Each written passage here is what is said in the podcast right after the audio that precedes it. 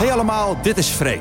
Wat super tof dat we samen op deze expeditie gaan naar de allermooiste plekken van de oceaan. Ben je er klaar voor? Zorg dat je je koptelefoon opzet, dan weet je zeker dat je niets mist. Luister mee en sluit je aan bij Expeditie Oceaan.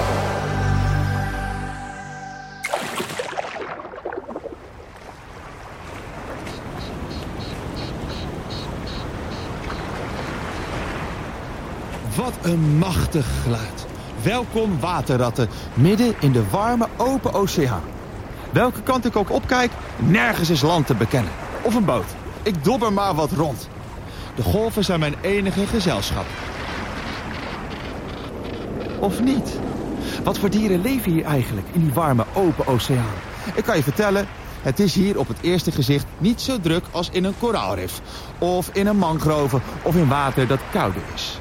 En dat komt omdat er minder voedingsstoffen opgelost zijn in de warme bovenste laag van de open oceaan.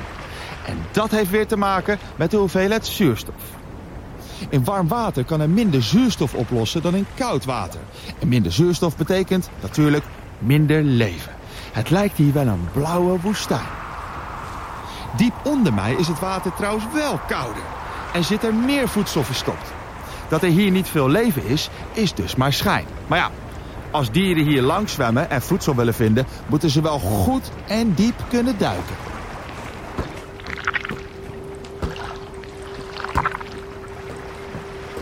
En denk nou maar niet dat hierboven helemaal geen leven is. Echt wel. Wat dacht je van Portugese oorlogsschepen? Deze roofkwallen drijven op de waterspiegel. Ze hebben superlange tentakels, soms wel 50 meter lang. Die zitten vol met netelcellen. En in die cellen zitten een soort mini-pijltjes, gewapend met zwaar zenuwgif. Als een vis tegen een tentakel zwemt, knappen de netelcellen open en schieten hun gif in de vis. Die raakt verlamd en kan dus niets meer doen. Met hun extreem lange armen hebben Portugese oorlogsschepen altijd wel een keertje beet. En hun gif werkt pijlsnel. En het is logisch dat hun gif vliegensvlucht verlamt. Portugese oorlogsschepen zijn zelf super sloom. Als een vis nog weg zou kunnen zwemmen, ja, dan kunnen zij natuurlijk niet achteraan racen. Slim bekeken dus.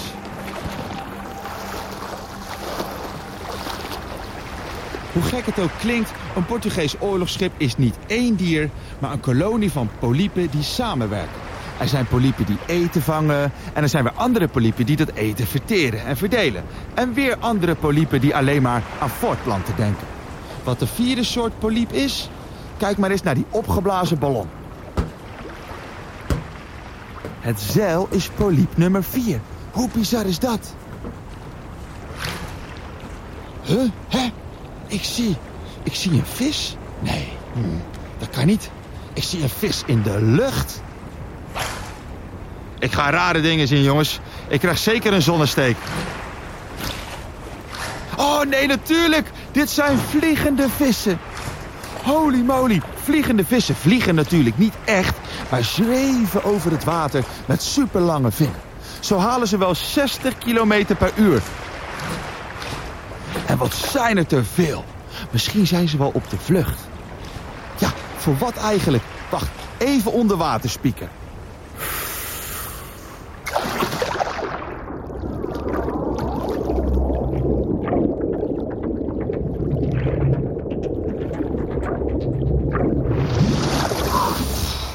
Het zijn goudmakrelen of ook wel dorado's genoemd. Die machtige roofvissen zitten achter de vliegende vissen aan. Maar er zijn nog meer rovers die het op deze visjes gemunt hebben. Grote fregatvogels. Die vangen een vliegende vis zo hup, vanuit de lucht. Wat een spektakel. Maar zo druk als het even was, zo stil is het ineens weer. Alleen het ruisen van de zee. Ik ben weer helemaal alleen. Ah, heerlijk. Wat een rust.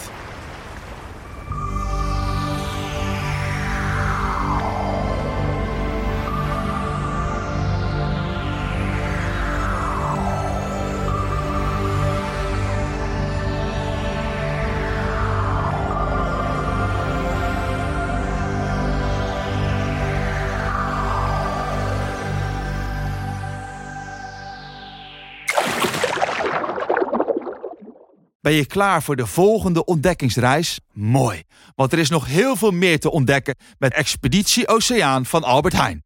Kijk in het bewaaralbum of in je favoriete podcast-app.